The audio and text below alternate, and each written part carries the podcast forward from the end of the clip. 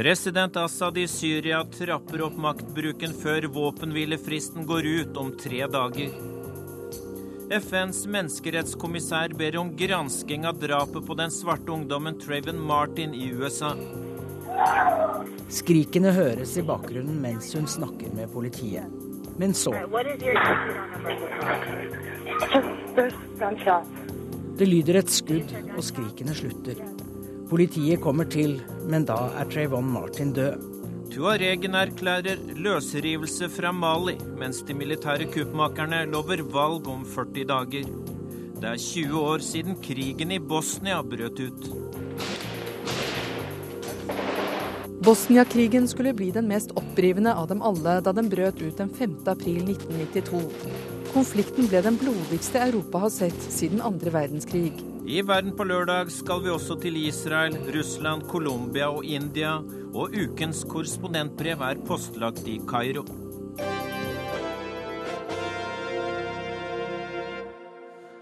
Dag Bredvei ønsker velkommen til en knapp time ute i verden denne påskeaften. Vi skal først til Syria.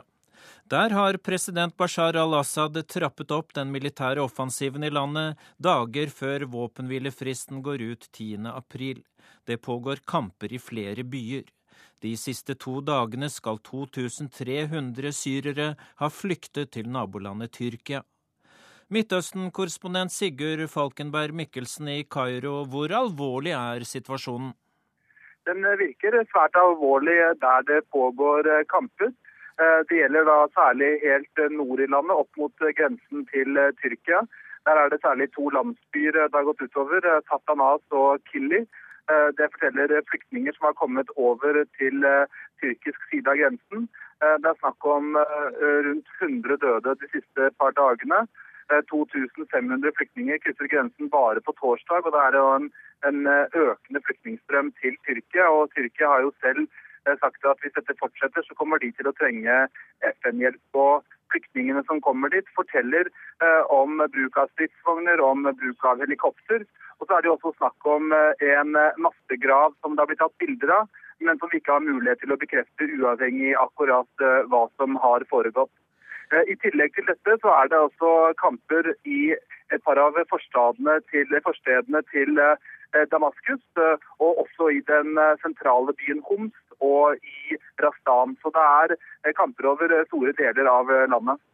Forsøker Assad å svekke opposisjonen så mye som mulig før våpenhvilefristen går ut 10.4? Eh, det kan eh, virke som. Eh, I hvert fall så er det lite som tyder på en, en umiddelbar stans i kampene. Det er en, en eskalerende militær situasjon, og de syriske opposisjonelle tror jo ikke noe særlig på denne våpenhvilen. Og de er jo ikke heller selv spesielt ivrig på Annans fredsplan Sånn at eh, hva som skjer den 10. april, eh, det er eh, umulig å forutsi. Men akkurat nå så er situasjonen alvorlig i Syria. Assad har altså gått med på denne sekspunktsplanen til Kofi Annan, og et av punktene er stans av kamphandlinger den 10. april. og Vil han overholde det, tror du? Så får vi se hva som skjer på eh, tirsdag. Eh, men sånn, eh, de signalene vi får fra Damaskus, er jo at regimet har stor selvtillit. De mener at de fleste konjunkturene nå går deres vei. De har ridd av den verste internasjonale stormen. Og internt så har det jo kommet på en militær offensiv. Sånn at regimet i Damaskus er full av selvtillit for tiden. Nordmannen Robert Mood er i Damaskus for å forberede en internasjonal observatørstyrke til landet, og generalmajor Mood ble utpekt av Kofi Annan tidligere denne uka. Mood sier dette om det vanskelige oppdraget han har fått.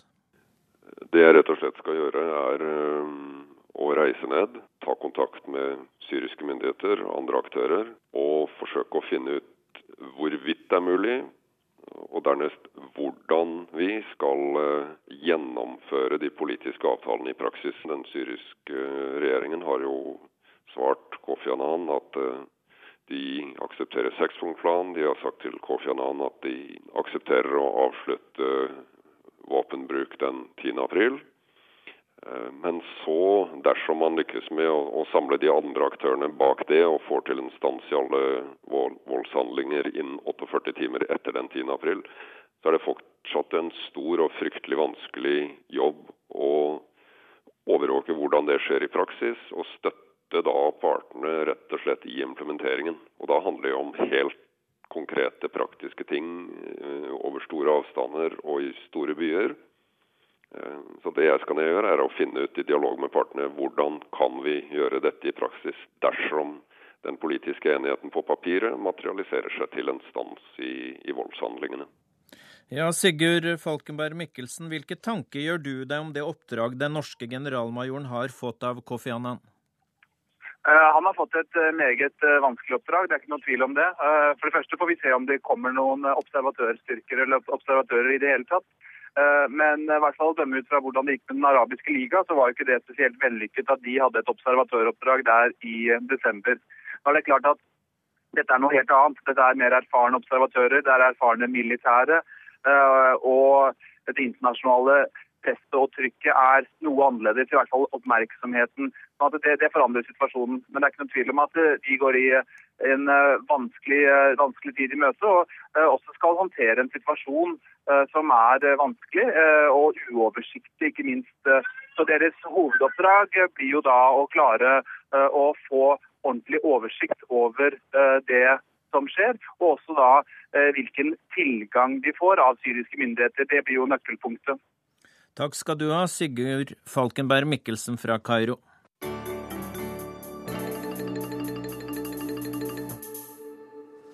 Nå til et kraftig etterspill etter et drap i USA tidligere i år, der en hvit mann skjøt en svart ungdom.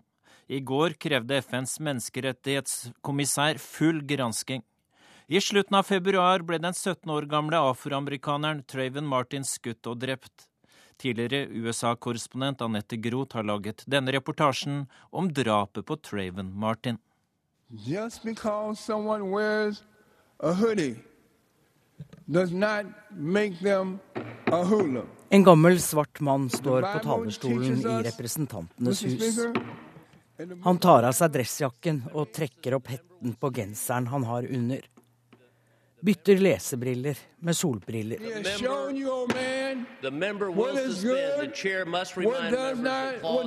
Og blir klubbet ned, for det er ikke lov med hodeplagg i Kongressen. Man er ikke en bølle, selv om man har hettegenser og solbriller, sier Bobby Rush. Drapet på Trayvon Martin har fått kongressrepresentantens tanker tilbake til 1960-årene og borgerrettskampen han var aktiv i den gangen. Vi er ikke ferdige med dette. Det viser drapet på unge Trayvon, mener Rush. Det begynte da 17 år gamle Trayvon Martin var på vei hjem til faren i Sanford, Florida. Han har vært i butikken og kjøpt godteri og iste når nabolagsvakten George Zimmerman får øye på ham. 28 år gamle Zimmerman er hvit av latinamerikansk avstamning. Han er kjent som en ekstra ivrig borgervernentusiast og ringer politiets nødnummer om gutten han synes ser mistenkelig ut. This guy looks like he's up to no good or he's on drugs or something. He's a they always get. Are you following him? Yeah. Okay, we don't need you to do that. Ikke følg etter ham, sier politiet til nabolagsvakt Zimmerman, men det er nettopp det han gjør. Til politiet sier han at gutten ser ut som han har skumle hensikter, at han kanskje går på dop, og klager over at disse drittsekkene, som han sier, alltid slipper unna. En kort stund etterpå kommer det nok en samtale til politiets nødnummer.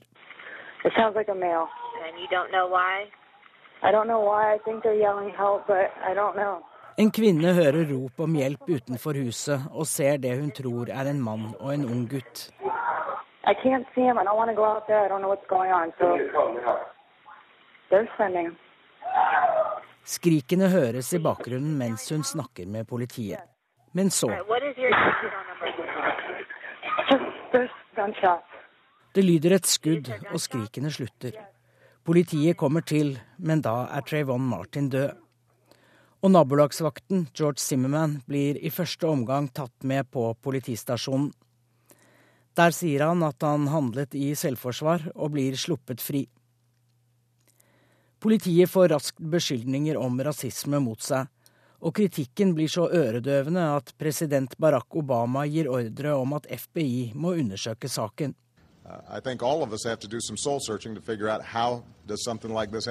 And that means that we examine uh, the laws and the context for what happened, uh, as well as the specifics of the incident. Vi må undersøke alle aspekter ved denne saken og komme til bunns i det som skjedde, sier president Barack Obama. But my main message is, is, uh, to the parents of, uh, um, you know, if I had a son, he'd look like Hvis jeg hadde hatt en sønn, hadde han sett ut som Trayvon, sier Obama, og understreker at foreldrene hans fortjener at alt rundt saken blir klarlagt. Anklagene om rasisme vokser seg sterkere og sterkere.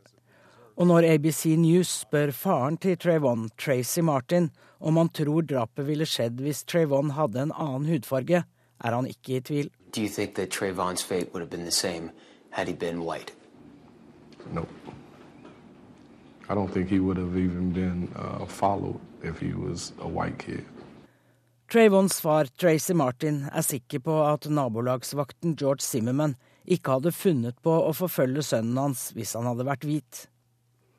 Men Zimmerman selv holder fast ved at han handlet i selvforsvar, og ifølge loven i Florida er det lov å forsvare seg hvis man føler seg truet, også med våpen.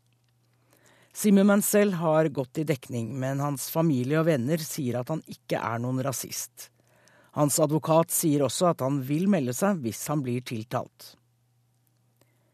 Myndighetene i Sanford har fått sin del av kritikken. Både den lokale statsadvokaten og politisjefen har trukket seg fra sine stillinger. Politisjefen riktignok bare midlertidig. Uansett hvordan denne saken ender, drapet på Trayvon Martin har fått folk ut på gatene med hettegensere og solbriller. Rasismedebatten er i full gang, og det arrangeres demonstrasjoner i flere av de store byene. Vi er alle Trayvon Martin. Det kan skje med hvem som helst av oss, er budskapet på denne demonstrasjonen i Oakland, California. Og demonstrasjonene vil fortsette så lenge George Zimmerman er på frifot. Seks uker etter at Trayvon ble drept, venter moren hans, Sabrina Fulton, fremdeles på en avklaring.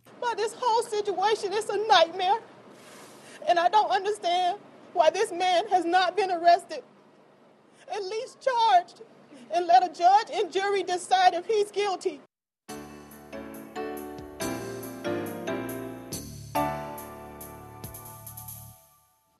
Denne uken var det 20 år siden krigen i Bosnia brøt ut. Krigen var den mest opprivende av krigene på Balkan. Den splittet familier og kostet 100 000 mennesker livet. Reporter Åse Marit Befring har laget dette tilbakeblikket. Elva Neretva renner gjennom byen Mostar, som den alltid har gjort. Den buede brua står der igjen. Det tok ni år å bygge den på 1600-tallet. På bare to dager ble den knust av kroatenes artilleri under Bosnia-krigen. Før krigen var jeg mye med vennene mine Adi og Purko. Jeg feiret både id og jul med dem. Det var helt naturlig. Jeg trodde ikke det kunne bli krig her, sier Soram Laketa. Lenge var broa et symbol på byens etniske og kulturelle mangfold. Mostar var beviset på at kroater, muslimer og serbere kunne leve fredelig side om side. Da brosteinene falt, ble også den drømmen knust. I dag er byen delt mellom kroater i vest og muslimske bosniakker i øst. Byen med 72 000 innbyggere har to strømleverandører, to postvesener og skoler der kroater og bosniakker går i ulike klasser. Krigen splittet, ikke bare mellom folkegrupper, men også hele familier. Jeg kjempet i den kroatiske hæren og broren min i den bosniske. Når jeg ser tilbake på det i dag, så skjøt jeg på broren min. Jeg skjøt på mine beste venner, forteller Laketa. Bosnia-krigen skulle bli den mest opprivende av dem alle da den brøt ut den 5. april 1992. Konflikten ble den blodigste Europa har sett siden andre verdenskrig. Massakre, masseflukt, beleiring, voldtekter, konsentrasjonsleire. Det var ingen grenser for overgrepene. Naime, tog jutra, 21. marta 93. Den morgenen 21.4.1993 var det så stille og fredelig, begynner Slatka Imamovic.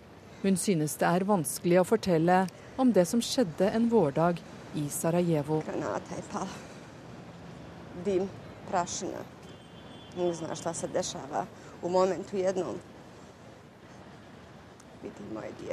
En granat slo ned. Jeg så barnet mitt ligge på bakken. Jeg skrek og skrek. Da jeg ville bort til ham, grep naboer og mannen min tak i meg og trakk meg vekk. Det var det siste jeg så av sønnen min. Imamovic står ved minnesmerket over alle barna som ble drept under beleiringen av byen. I 1425 dager ble innbyggerne i Sarajevo terrorisert. Serbiske paramilitære styrker kunne på det meste sende flere hundre bomber inn i byen om dagen. Slatka Imamovic skulle bare med sønnen etter vann. Han ble fire år. Svaka ulica, svaka ulica imala ko svoju odbranu neku. Pa izađe se tu branj. Hver gate hadde sitt eget forsvar, og vi visste alltid at vi risikerte livet ved å gå ut på gata, sier Ismet Hodzic. Snikskyttere var plassert rundt hele byen. Noen gater var spesielt farlige og ble kalt snikskytteralleer. I desperasjonen forsøkte de å få verdenssamfunnet til å våkne. Også en skjønnhetskonkurranse ble arrangert. Miss beleiret Sarajevo 1993. Ungjenter trippet ut på scenen i badedrakter og på høyhælte sko, bak en banner hvor det sto 'Don't let them kill us'. TV-bildene gikk verden rundt. 17 år gamle Inela Nojic så ut som en Marilyn Monroe med sitt blonde hår og røde trutemunn. Hun ble Miss beleiret Sarajevo 1993. Det var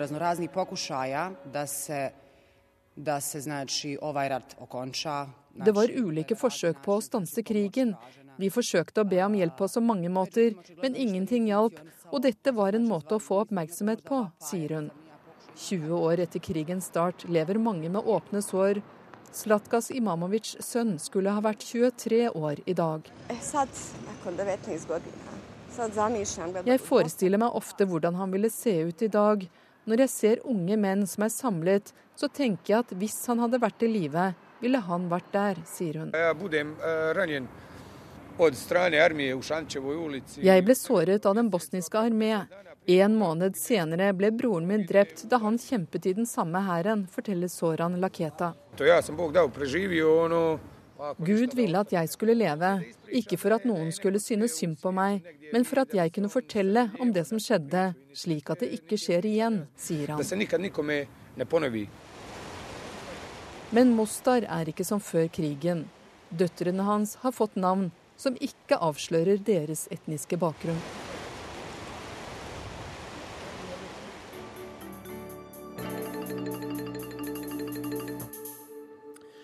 Det skjer mye dramatisk i det vestafrikanske landet Mali. I går erklærte tuareg-opprørere at Nord-Mali skal løsrives fra resten av landet.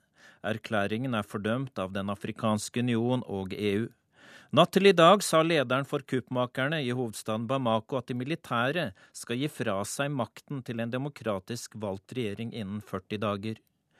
Salif Monkoro, du er nestleder i Vennskapsforeningen Norge-Mali og underviser ofte ved universitetet i Bamako i Mali. Og Hva er din reaksjon på at de militære nå sier at de skal gi fra seg makten? Eh, svart positiv.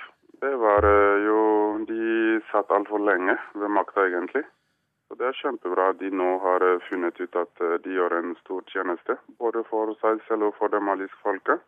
Og gi fra seg makten. Det er min umiddelbare reaksjon. Avtalen er inngått med den vestafrikanske samarbeidsorganisasjonen ECOWAS. og Hvilken rolle spiller nabolandene i ECOWAS nå? Det er eh, spesielt viktig at det var eh, Burkina Faso, fordi Burkina Faso har eh, noen historiske tilknytning til Mali på en spesiell måte. Vi deler veldig mye. Og det er klart at ved at Mali var på en måte under krise, så kjente de andre nabolandene på det også bl.a. Elfenbenskysten og Burkina Faso, alle naboer, Algerie osv. Så, videre. så dette er viktig rett og slett for alle. å bidra. Og Mali er jo den neste største økonomien i ECOWAS-samarbeidet. Det skal også sies. Kuppmakerne ble raskt fordømt av Den afrikanske union og verdenssamfunnet for øvrig, men innbyggerne i Mali ser ut til å vise en viss sympati for kuppmakerne. Og hvorfor det, Salif Monkoro? Helt klart. Det var jo blitt hevdet at demokratiet Mali var en fasadedemokrati. Det, jo, det ligger jo noe i det. President Amadou Manitore hadde rundt seg folk som brydde seg stort sett om seg selv. Det var mye korrupsjon. De tildelte seg midler slik de ville til sine nærmeste venner, familier. Alt på en sånn mer eller mindre ryddig vis. Men det var synlig hva som foregikk, og folk sto og observerte dette her maktløst. Og når det militære nå tok til ordre for å, å, å, å føre folk tilbake til en rettferdig fordeling, da, så applauderte folk dette her, uten å vite at det var uh, ikke en spesielt god tjeneste. De gjorde det verken for seg selv eller for uh, landet. Men uh, det var den, den, den Det var for sånn følte det der, der og da for de fleste. Tuaregene i Nord-Mali har hatt voldsom framgang militært sett, og spesielt etter at de militære styrkene i Mali gjennomførte kuppet mot presidenten nylig. Og Tror du at tuaregene vil lykkes med å løsrive Nord-Mali fra resten av landet?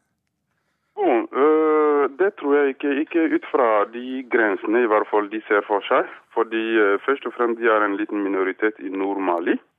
Uh, det er klart. Der bor arabere, der bor songoer, der bor bozoer. Og den historiske statsdannelsen som kan huskes tilbake i området der, er Songoy-riket, ikke Tuareg-riket engang. Så også dessuten er de i flertall i Kidal. Og Kidal kan kanskje hvis eh, man skulle rett og slett eh, tenke litt mer positivt for uh, tuaregene. Ja, klart. Det skulle bare mangle at de ikke hadde framgang. Jeg har jo selv, selv, studert sammen med noen av disse tuaregene som i dag er i opprøret. Så vi har alle blitt brukt den maliske statlige midler for å utdanne oss. Så uh, mange av disse har også har tjenestegjort i det maliske forsvaret, og i dag snur de våpen mot uh, samme land klart de har en fortrinn når de kan både inn og ut av eh, systemet. Ole Martin Gåsholt, du er eh, med oss. Du har skrevet en doktorgradsavhandling om tuaregene ved SOAS i London. og Hvilken støtte tror du tuaregene har i kravet om løsrivelse?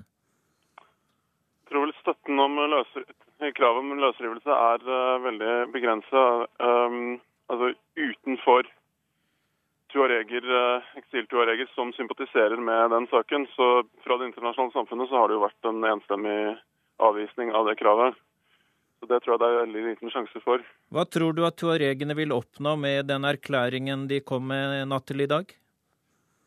Um, den ene tuar, uh, gruppen MNLA som har satt fram dette kravet, har siden januar hatt det som um, sitt mest vesentlige punkt, at de vil ha en uavhengig stat uh, skapt av de tre nordlige regionene i Mali, som de nå har tatt kontroll over.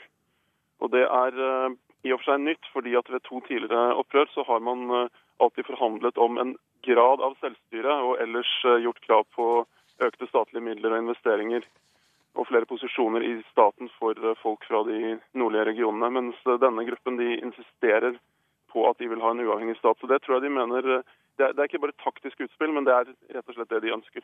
Men tuaregene, det blå ørkenfolket, de er splittet i ulike politiske grupper også? Ja, er, I denne situasjonen så er det jo to ulike grupper. Det er MNLA, og så er det Ansardin, som er ledet av um, uh, en av de fremste opprørslederne fra 90, opprøret under 90-tallet, som siden har gått i islamistisk retning. Mens uh, deres program igjen er eh, ikke løsrivelse. De vil eh, tvert imot innføre sharia i hele Mali. Så disse to bevegelsene står jo nå egentlig mot hverandre. Eh, helt til slutt, Salif Monkoro. Den afrikanske union, EU og tidligere kolonimakt Frankrike fordømmer tuaregenes handling og erklæring om løsrivelse. Og hvor viktig er det at disse reaksjonene kommer raskt nå? det er veldig viktig at man i hvert fall ikke ut fra dagens situasjon i Mali vurderer en løsrivelse for tuaregene. Men det er et problem.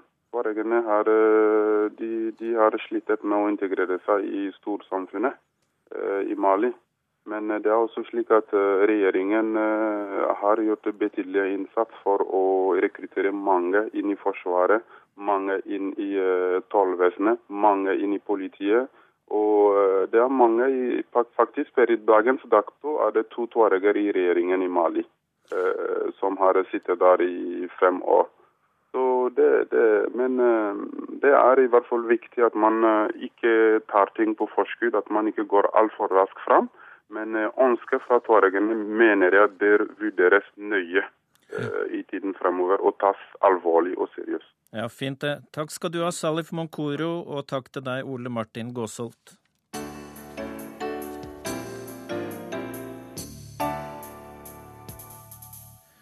Foran presidentskiftet i Russland 5. mai er det slått fast at det rår en tillitskrise mellom Russland og Vesten.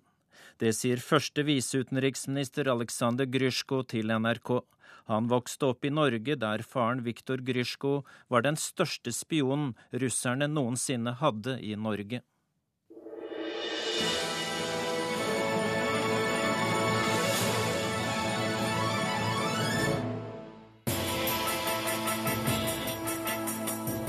Dette er musikken fra den russiske agentfilmen 'Spindelvevet'. Og nettopp KGBs spindelveverkontakter i Norge var hovedjobben til avdøde Viktor Grosjko, som var KGB-agent i Norge i tolv år gjennom flere perioder. Viktor Grosjko ble en nær familievenn av statsminister Einar Gerhardsen. Gerhardsen kalte dette for et hyggelig vennskap i 1958. KGB-legenden Viktor Grusjko sa dette på norsk om vennskapet som han utviklet med Norges daværende statsminister som hemmelig agent til NRK i 1995. Menneskelig sympati til hverandre. Jeg var 24 år gammel, 25 år gammel. Han var selv eldre enn meg, og det var rent menneskelig.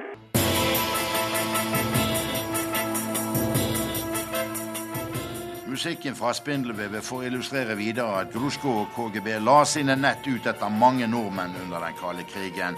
En av disse var senere kringkastingssjefen av Førde. En annen var nåværende generalsekretær i Europarådet, Torbjørn Jagland. I KGB-arkivet hadde de to faktisk felles kodenavn Dodin. Nylig besøkte Torbjørn Jagland Moskva som sjef for Europarådet og forteller at det stilles spørsmål ved russernes reformer nå. Jeg tror det er en, i utlandet en ganske stor skepsis til om man virkelig mener alvor, og at eh, lovverket og oppfølgingen blir slik som eh, man sier. og Derfor er det veldig viktig at vi kommer inn med vår eh, internasjonalt anerkjente ekspertise, sånn at det blir riktig. Her i Moskva traff Torbjørn Jagland sønnen til KGBs Viktor Grusjko, som endte som nestkommanderende for hele KGB. Sønnen Aleksandr Grusjko vokste opp med sin far Viktor, den hemmelige KGB-agenten og statsministervennen i Norge. Aleksander er i dag nummer to i det russiske utenriksdepartementet, og Aleksandr Grusjko sier dette til NRK om hvilket forhold Russland i dag har til hans barndoms-Norge. Norge er en av de nærmeste russiske partnerne. Vi er veldig fornøyd med at vi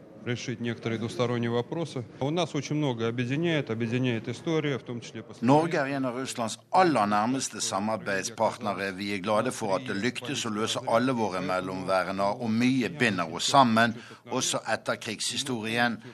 For Norge var jo en viktig støtte for avspenningen den gangen, så derfor nærer vi russere varme følelser overfor nordmennene.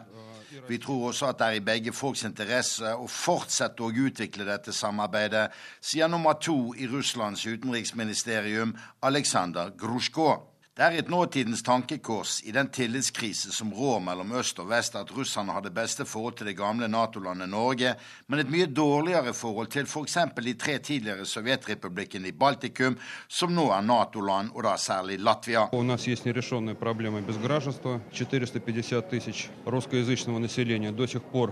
нас есть нерешенные проблемы без гражданства. 450 тысяч русскоязычного населения до сих пор лишены этого не граждан, не фундаментального права, лишь потому I Latvia har vi mange uløste problemer, og ett av dem er 456 000 russisktalende bare i dette landet som ikke får latvisk statsborgerskap, sier Russlands viseutenriksminister Aleksandr Grusjko og fortsetter. Здесь нет, вы знаете, таких Disse menneskene er fratatt denne fundamentale rettigheten fordi de ikke behersker det såkalte grunnspråket latvisk. Dette er jo uakseptabelt i dagens Europa, sier Aleksandr Grusjko. Viseutenriksministeren i Russland tar også avstand fra markeringen i Latvia den 16. mars av Waffen-SS. 140 000 latviere slåss mot Sovjetunionen fra 1943 under SS-bannere. Norge kommer i en særstilling godt ut på russernes rankingliste når russerne skal veie tilliten som de føler til Vesten denne våren. Russiske ambassadører snakker åpent om hvor negativt de føler Sveriges utenriksminister Carl Bildt forholder seg til Russland. 5. mai tar den mer uforsonlige Vladimir Putin tilbake presidenttaburetten fra den åpenbart mer kontaktskapende Dmitrij Medvedev. Da kan det ta enda litt tid før tøvær og varme vender tilbake til øst-vest-forholdet. Foreløpig er den russiske hovedstaden også værmessig dekket av snø og is. Hans-Wilhelm Steinfeld, Moskva. Sør-Amerikas største geriljagruppe har lovet et punktum for politiske bortføringer i Colombia, men landet kan nå bli kastet ut i en ny krise. Presidenten har startet en omstridt jordreform som har mange fiender. Det er fortsatt langt fram til forsoning, advarer Colombia-ekspert. Korrespondent Anders Tvegård har nylig besøkt Colombia. Lo logramos, están aquí, están vivos, están felices y nosotros estamos muy felices. De er i live, de er glade, vi også, sier Piedad Cordoba, den tidligere senatoren som forhandlet fram løslatelsen av de siste uniformerte gislene. Seks politifolk og fire soldater ble gjenforent med familiene sine for noen dager siden. En av dem hadde ikke sett barna sine siden 1999. Colombias eldste geriljagruppe FARC har kunngjort at de ikke lenger vil kidnappe folk som en inntektskilde, men det er uklart om de fortsatt holder sivile fanget i jungelen, eventuelt hvor mange. Nå har geriljaen vist godvilje og løslatt de siste myndighetspersonene i fangenskap, i håp om at regjeringen vil sette seg rundt forhandlingsbordet. No Men president Juan Manuel Santos har en annen hodepine nå å rydde opp i narkotikabandenes herjinger. Også FARC finansieres nå i hovedsak av narkotikasmugling og kokainproduksjon. Presidenten er i ferd med å stikke fingeren inn i et vepsebol med sine nye omstridte reformer. Når narkoterrorismen med Pablo Escobar tok slutt, så har jo mange internasjonalt trodd at det var det verste i Colombia over. Men det var jo da eh, det begynte. Sier Øystein Skjetne i stiftelsen Golden Colombia. NRK møter ham i fjellandsbyen San Carlos, som ligger i det som før var landets smuglerrute og kokainkorridor. Det er et mektig og frodig landskap rundt oss. For bare ti år siden var det ulevelig her. Her tok paramilitære over kontrollen da kartellsjefen Pablo Escobar ble drept i 1993. Grupper han hadde støttet, men som vendte seg mot ham på slutten. De paramilitære vokste seg enda mektigere og tok konflikten, frykten og torturen fra de store byene som Medellin og ut til landsbygda i Colombia. Da ble situasjonen for folket på landsbygda eh, forvandlet til et, et holocaust-lignende inferno. Eh, uten at det egentlig vakte noe særlig oppmerksomhet internasjonalt. 200 000 mennesker ble drept. Mange titusen kvinner voldtatt. Fire millioner mennesker drevet på flukt fra kvegdrift og palmeplantasjene sine. De paramilitære tok over makta, kontrollen og jordbruksområder på landsbygda i det sentrale Colombia, forteller Øystein Skjetne. Man står i den situasjonen i dag at en vel åtte millioner hektar, eller kanskje rundt en fjerdedel av Colombia sin, sin dyrkbare jord, eh, er på hendene på eh, de paramilitære eller på deres eh, testaferros, og det heter på spansk, altså deres stedfortredere eller stråmenn, eller hva man skal kalle det. Så det er et gigantisk landtyveri som har funnet sted. Y seguiremos trabajando en temas como la consolidación de las zonas afectadas por el conflicto. President Juan Manuel Santos har klart å knuse geriljaens jerngrep, og forgjengeren fikk demobilisert de paramilitære gruppene. Nå tar Santos fatt på prosessen med oppreisning til ofrene. Kompensasjon til dem som måtte leve under tøffe forhold under gerilja, paramilitære eller hær og politi. Hittil så er vel 30 sosiale ledere som står i bresjen for denne tilbakeleveringen i sine små lokalsamfunn, blitt myrdet. Eh, som er fryktelig nok, men eh, mange frykter at det er bare begynnelsen på et nytt blodbad som man vil kunne, kunne komme til å se eh, nå når denne tilbakeføringen av jord skal, skal gjennomføres i Colombia. Det vanskeligste er dokumentasjon på jordtyveri. F.eks. det å bevise om et salg ble gjennomført frivillig eller med en pistol mot tinningen for 10 eller 15 år siden. Så er det om staten har råd til å gjennomføre tilbakeføring eller ikke. De paramilitære som tok over landområdene, har flere steder tatt jorda i bruk. Etablert ny økonomisk virksomhet på storgårdene, kvegdrift f.eks. Dette har endret økonomien i regionene. Om også disse store jordområdene skal gis tilbake, stykkes opp til de rettmessige eierne, kan også økonomien rammes, sier Øystein Skjetne i stiftelsen Golden Colombia. Og Det er jo selvfølgelig av den grunn eh, viktig at verdenssamfunnet holder eh, blikket stivt festet på Colombia nå. For dette kan virkelig være Colombia sin skjebnetime de neste, eh, de neste to til fire årene.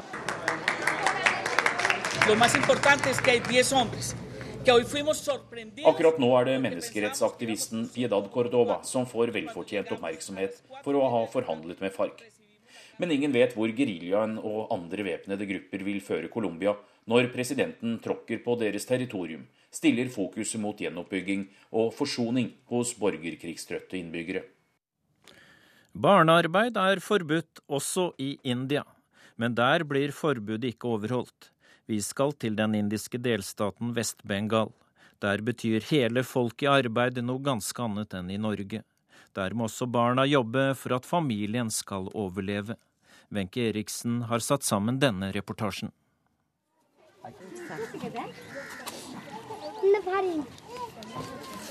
Sagira er bare elleve år gammel, men allerede veteran i arbeidslivet. Hennes arbeidsplass finnes rett over dørstokken hjemme. Hun lener seg mot husveggen, der hun sitter med en flat kurv i fanget. Hun drysser tobakksflak på et grønnbrunt blad, presser det hardt sammen med tomlene lager en tett rull og binder fast det hele med en tynn, rød bomullstråd. Nok en bidi, fattigmannssigaretten som er like sentral i den indiske kulturen som chai-teen og chapati-lefsa, er klar. Sagira begynte å jobbe da hun var sju år med å kutte trådbitene til sine eldre søsken. I fjor avanserte hun til selve rullingen. Sammen med foreldrene og to brødre og to søstre gjør hun det åtte timer per dag, sju dager i uken. Alt i en rasende fart. Det er en stor belastning for små barnefingre.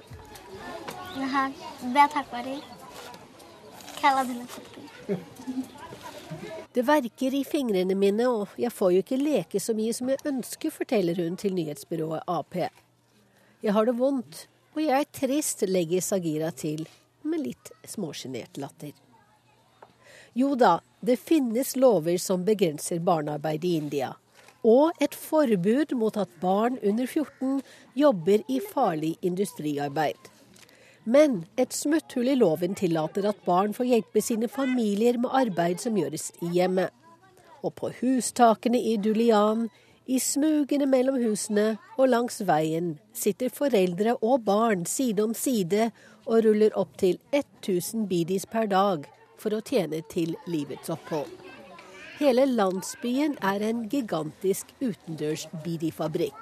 Anslagsvis 95% av familiene i denne landsbyen er avhengig av dette arbeidet for å klare seg. På landsbasis regner man med at opptil sju millioner mennesker arbeider med å rulle Bidi-sigarettene. Flere hundre tusen av dem er barn. Når fattigmannssigarettene er ferdigrullet, skal de videre til den lokale fabrikken, som egentlig er mest et verksted, der unge gutter sorterer og pakker. Fabrikkeier Ranjan Chaudhry overvåker det hele fra en hagestol. Han innrømmer at sigarettproduksjonen er skadelig for barn, men sier at den tross alt holder liv i lokalbefolkningen.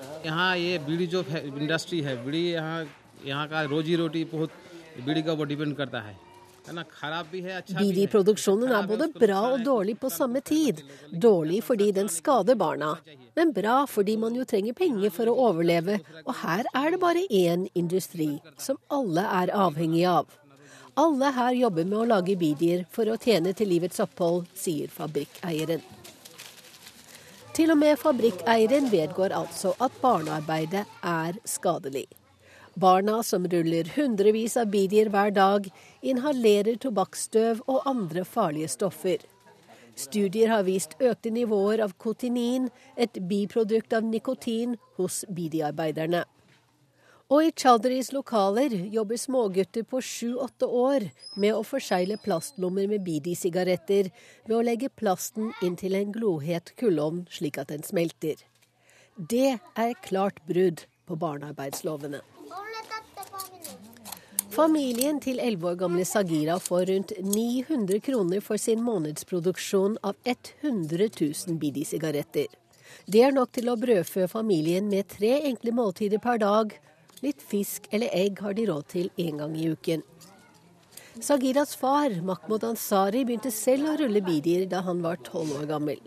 Hans fem barn gjør det samme, og han ser ingen annen utvei for dem eller for familien.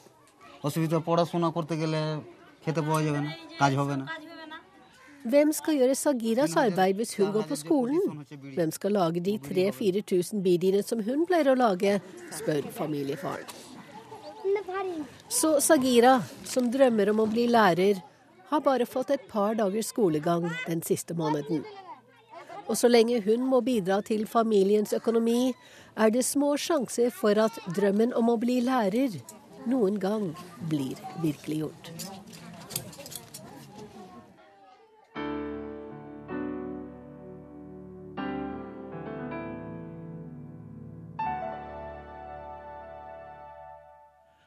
Israels statsminister Benjamin Netanyahu har fått en ny politisk utfordrer. For nå tar tidligere forsvarssjef og forsvarsminister Shaul Mofaz over som leder for Israels største parti, Kadima. Tidligere Midtøsten-korrespondent Sissel Wold har laget dette portrettet av mannen som tar mål av seg til å bli Israels nye statsminister. Good evening to the annual conference in Los Angeles and New York. I would like to send my best uh, regards uh, to you. You are our uh, ambassadors in the US. Dere er våre beste ambassadører, sier Shaul Mofas i en videohilsen til iransk-amerikanske jøder. Shaul Mofas så også dagens lys i Iran, i Teheran, det samme året som staten Israel ble født. I 1957 emigrerte familien fra et av verdens eldste jødiske samfunn til det yngste. I Israel steg Mofas til topps i hæren. Fra han som 19-åring deltok i sin første krig i 1967, og til han ble forsvarssjef 30 år senere. Den iranskfødte forsvarssjefen ble forsvarsminister under en annen general, statsminister Ariel Sharon. Sitt politiske hjem fant Mofas i Hauke og bosetterpartiet Likud. Da Ariel Sharon bestemte seg for å trekke bosetterne og hæren ut fra Gaza i 2005, møtte han hard motstand i Likud-partiet. Sharon tok med seg halve partiet og dannet sentrumspartiet Kadima, som betyr fremover. Etter noe vingling meldte også Mofas overgang til Kadima. Da Kadimas maktsentrum Ariel Sharon falt i koma, og fremdeles ligger i koma på sjette året, tapte Shaul Mofas lederkampen mot Kadimas nye stjerne, Tzipi Livni, bare med noen få stemmer. Men så kom øyeblikket han har ventet på i flere år. Shaul Mofas vant akkurat ledervalget i Kadima med meget god margin. Tzipi Livni, som var håpet for så mange i Israel, har spilt politisk fallitt. Hun var en opposisjonsleder som aldri opponerte mot makta, som ikke kommuniserte egen politikk, som ikke fanget opp det sosiale opprøret, men som fremsto som arrogant også overfor sine egne.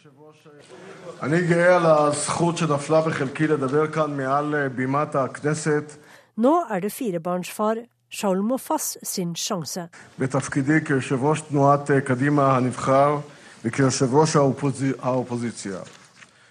Målet er å bli et sterkt opposisjonsparti, bli kvitt Netanyahus regjering og innta statsministerkontoret. We have only one Jewish uh, state in the world, and we have to provide the best security. Sikkerheten er det viktigste, sier ofte Kadima-lederen. Og ser vi på statistikken, har han rett bakgrunn for jobben. For israelerne føler seg tryggest når de ledes av en tidligere soldat, helst en general. The main threat to the state of Israel uh, today is the Iranian threat. The fact that Trusselen fra Iran står høyt på Mofas agenda. Allerede i 2008 åpnet daværende transportminister Shaul Mofas for at Israel vil angripe Iran. Da bidro han til å sende oljeprisene opp og styrke Ahmadinejad. Iran, uh, uh, power, På internett kritiserer enkelte iranere den Teheran-fødte israeleren for citat, at han vil bombe sitt fødeland, som ga ham og hans familie et trygt liv i århundrer, mens jøder på samme tid ble forfulgt og drept av kristne i Europa. Sitat slutt. Andre iranere har kanskje andre meninger, etter å ha sett Mofas da han ble intervjuet av BBC Farsi. آقای مفاز شما بر وجوه مشترک راهبردی You have to make the extension between the leaders and the people. Mofas valgte å svare på engelsk. Den nye Kadima-lederen er opptatt av de økende sosiale forskjellene i Israel, sier han. Ifølge Det internasjonale pengefondet er Israel et av landene med størst andel fattige av de 35 OECD-medlemmene. Den nye opposisjonslederen støtter byggingen i bosettingene. And uh, we have to continue uh, to build in these uh, areas uh, and uh, to provide a better security. And, Vi må fortsette å bygge i de store bosettingsblokkene, for dette er Israel i fremtiden, sa han til journalister ved den store bosetterbyen Mala Adomim. Hardlineren Shaul Mofas er beskyldt for å være en værhane, men også for å ha uoppdagede sider. Israelske kommentatorer mener at Mofas har et imageproblem. Folk oppfatter ham som en kald, følelsesløs general, en krigshisser og en hauk. Men det er ikke sant, skriver de. Nå er det opp til Kadima-lederen å overbevise et trett folk med politikerforakt om at han er deres mann.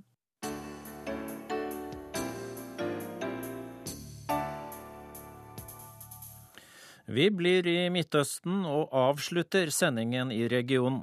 Det er klart for ukens korrespondentbrev. Det er postlagt i Kairo av Midtøsten-korrespondent Sigurd Falkenberg Mikkelsen. Jeg følte jeg hadde landet i et forandret Egypt. I hvert fall at noe var annerledes. Selvfølgelig syntes det ikke umiddelbart. Alt var ved det samme. De mistenksomme tollerne som jeg mistenker ønsker å tjene noen ekstra pund på å si sto klare og ventet på meg ved utgangen. Alle taxisjåførene som pga. den vanskelige økonomiske situasjonen er blitt mer pågående, sto på den andre siden.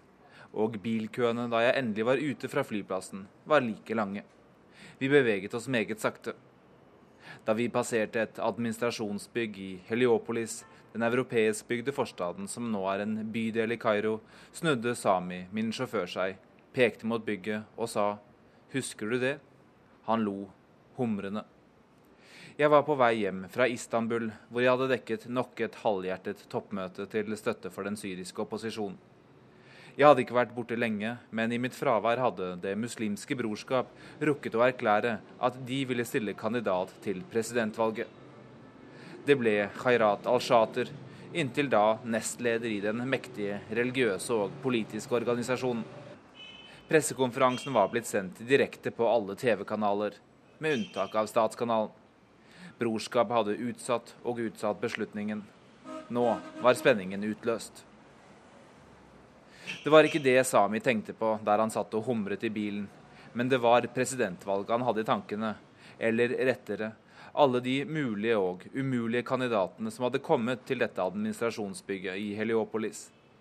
Bygget huser kontoret hvor alle som ønsker å stille som presidentkandidat, kan hente søknadspapirer, og også hvor de skal leveres ferdig utfylt. Og siden Egypt er Egypt, folk trengte ikke å bes to ganger. Registreringen stenges nå i disse dager, og da Sami og jeg var der, var det allerede et sted mellom 1500 og 2000 mennesker som hadde hentet skjemaene. En av dem steg ut av en drosje i en litt for stor dress med et fornøyd og lurt smil. Idet han så et par journalister, begynte han på en lang politisk tale. Han ble så ivrig da han fikk litt oppmerksomhet at han glemte å betale drosjesjåføren. Til slutt måtte en av journalistene nappe han litt i armen for å minne ham på det, og han gravde fram en krøllete seddel. Hans hovedbudskap var at den avsatte president Hosni Mubarak og hans familie måtte få dødsstraff. Han hadde en kul i panna etter hyppig bønn. På jakkeslaget hadde han en pinn med ord fra Koranen. Han sa han var en velbeslått mann som eide flere bilverksteder. En annen av de som ventet på å hente papirene, trodde også at løsningen fantes i den hellige boken. Men han hadde likevel lest 2000 andre bøker for å forberede seg, fortalte han. Hans viktigste prosjekt var å finne de to underjordiske armene av Nilen.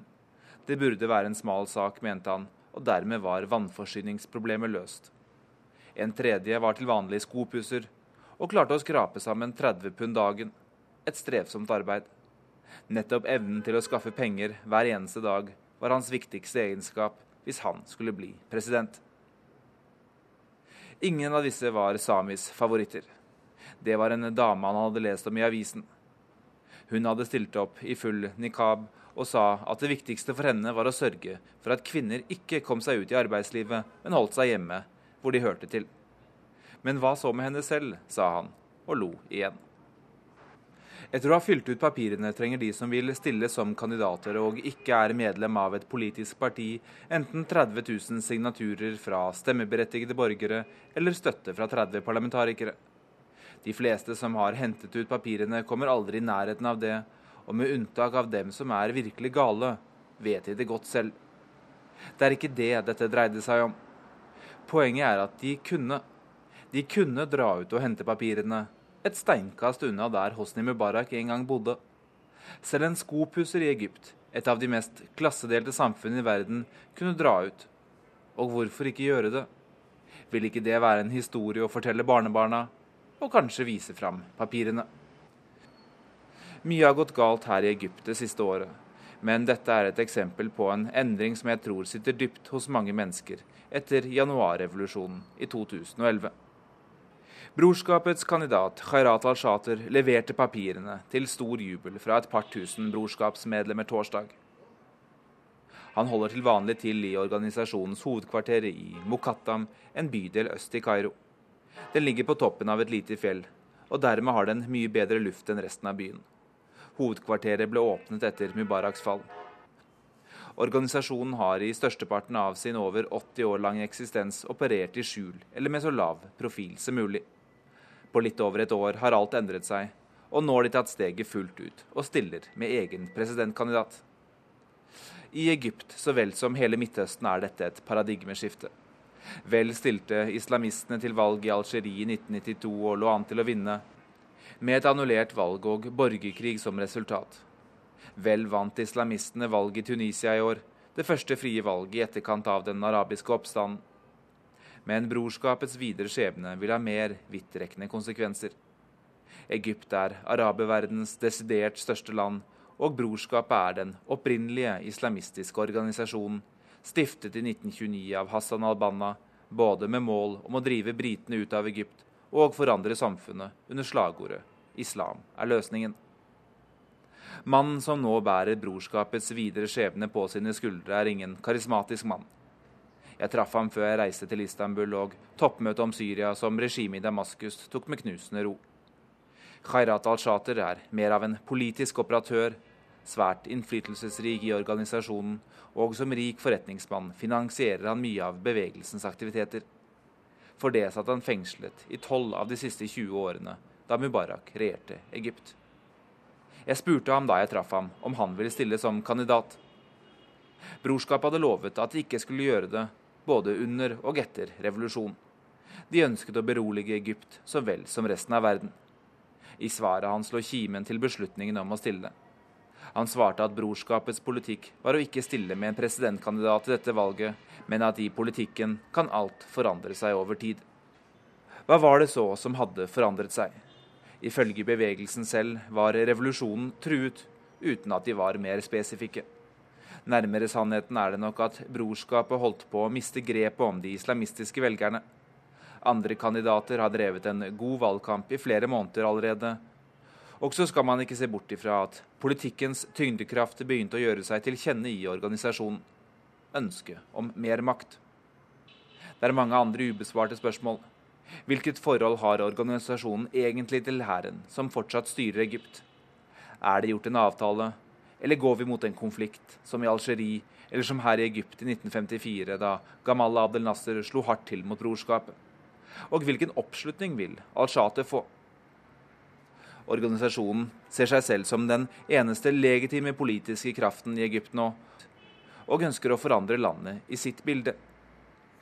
Bevegelsen vant gjennom sitt parti Frihet og Rettferdighetspartiet nesten rent flertall i parlamentet, og dominerer forsamlingen som skal skrive en ny grunnlov. Men det er likevel langt fra sikkert at al-Shate vinner.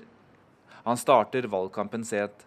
Brorskapet har klart å gjøre seg til uvenner med de fleste politiske krefter, særlig på liberal og sekulær side, og et presidentvalg er noe helt annet enn et parlamentsvalg.